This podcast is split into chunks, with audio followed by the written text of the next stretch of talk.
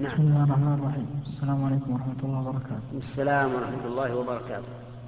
ما حكم من يرى من رأى صائما يفطر ويفطر وهو ناسي وأن يخبره وهو أنه صائم؟ رأى صائما وهو يفطر وهو ناسي مثلا. وأخبره أنه صائم. هل يخبره ويتركه يفطر بعد أن يفطر يخبره؟ هذا السؤال يقول إذا رأى صائما يأكل أو يشرب ناسيا. فهل يذكره أو لا يذكره هذا هذه أيضا مسألة تخرج من قاعدة عامة. إذا رأيت أخاك يفعل ما تفسد به عبادته ناسيا فعليك أن تذكره. عليك أن تذكره. فإذا رأيت صائما يأكل ويشرب ناسيا فذكره. قل إنك صائم. وإذا رأيت شخصا قام إلى خامسة في الظهر وأنت متأكد نبه. إذا رأيت صائم مصليا يصلي إلى غير القبلة وجهه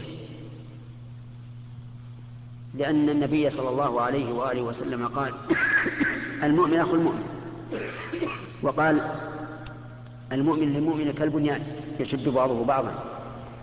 وقال الله تعالى ولا. وتعاونوا على البر والتقوى ولا تعاونوا على الإثم والعدوان فإذا رأينا أي شخص يفعل ما تفسد به العبادة وجب علينا أن نذكره حتى لو كانت اللقمة في فمه نذكره ويلفظها عرفتم الآن؟ يعني لو رأيتم الآن شخصا يصلي إلى غير القبلة هل تتركونه؟ لا توجهونه. إذن إذا رأينا شخصا يأكل ويشرب وهو صائم نذكره نعم. شيخ اللي سمعته وتترك حتى يشبع فقد أطعمه الله وسقاه وتخبر بعد نعم.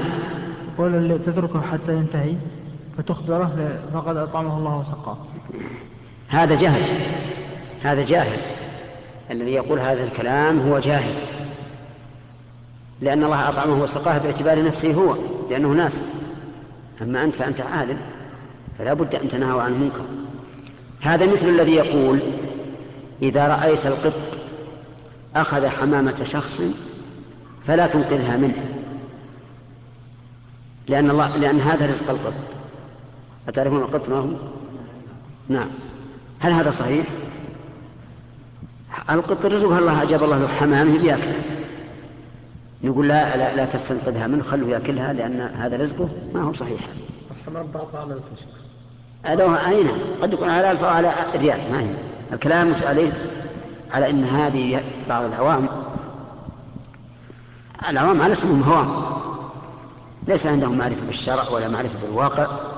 ولهذا نقول متى رأيت أخاك يفعل شيئا تفسد به عبادته فعليك أن تذكره سواء صيام أو غير صيام.